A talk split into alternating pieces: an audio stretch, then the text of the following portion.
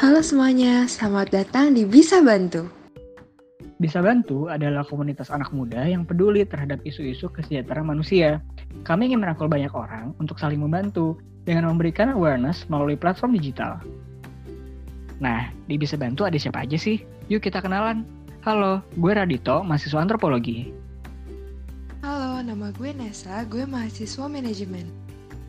Gue Theo, mahasiswa ilmu komunikasi. Halo, gue Erin, mahasiswa akuntansi. Halo, nama gue Nana, mahasiswa akuntansi. Halo, gue Surya, gue mahasiswa sistem informasi.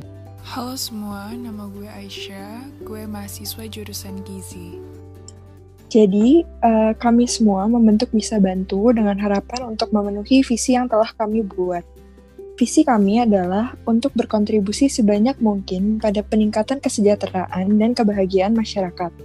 Hal ini akan kami wujudkan dengan melakukan beberapa misi, yaitu yang pertama, menyediakan sebuah platform edukasi yang dapat meningkatkan awareness masyarakat mengenai isu-isu sosial, menyediakan sebuah platform donasi yang dapat memfasilitasi penyaluran bantuan finansial dan non-finansial dari dan ke masyarakat, serta membentuk suatu komunitas yang dapat mewadahi masyarakat dalam melakukan pelayanan dan aksi sosial bisa bantu sendiri berorientasi pada Sustainable Developmental Goals atau biasa disebut sebagai tujuan global untuk pembangunan berkelanjutan. SDG sendiri merupakan suatu rencana aksi global yang disepakati oleh para pemimpin dunia termasuk di Indonesia guna mengakhiri kemiskinan, mengurangi kesenjangan dan melindungi lingkungan. Sustainable Developmental Goals terdiri dari 17 tujuan dan kami bisa bantu adalah pilar pembangunan sosial yang berfokus kepada tujuan nomor 3, 4, dan 5. Nah, sekarang gue dan teman gue akan membahas poin-poin tersebut. Dimulai dari tujuan ketiga, yaitu kesehatan yang baik dan kesejahteraan. Poin ini menjelaskan tentang bagaimana kita memastikan kehidupan yang sehat kepada masyarakat dan juga mendukung kesejahteraan bagi semua manusia Nah, peran bisa bantu di sini adalah kita akan turut ambil bagian dalam aksi sosial yang bertujuan untuk memastikan kehidupan yang sehat bagi seluruh masyarakat, baik itu sehat jasmani maupun sehat rohani.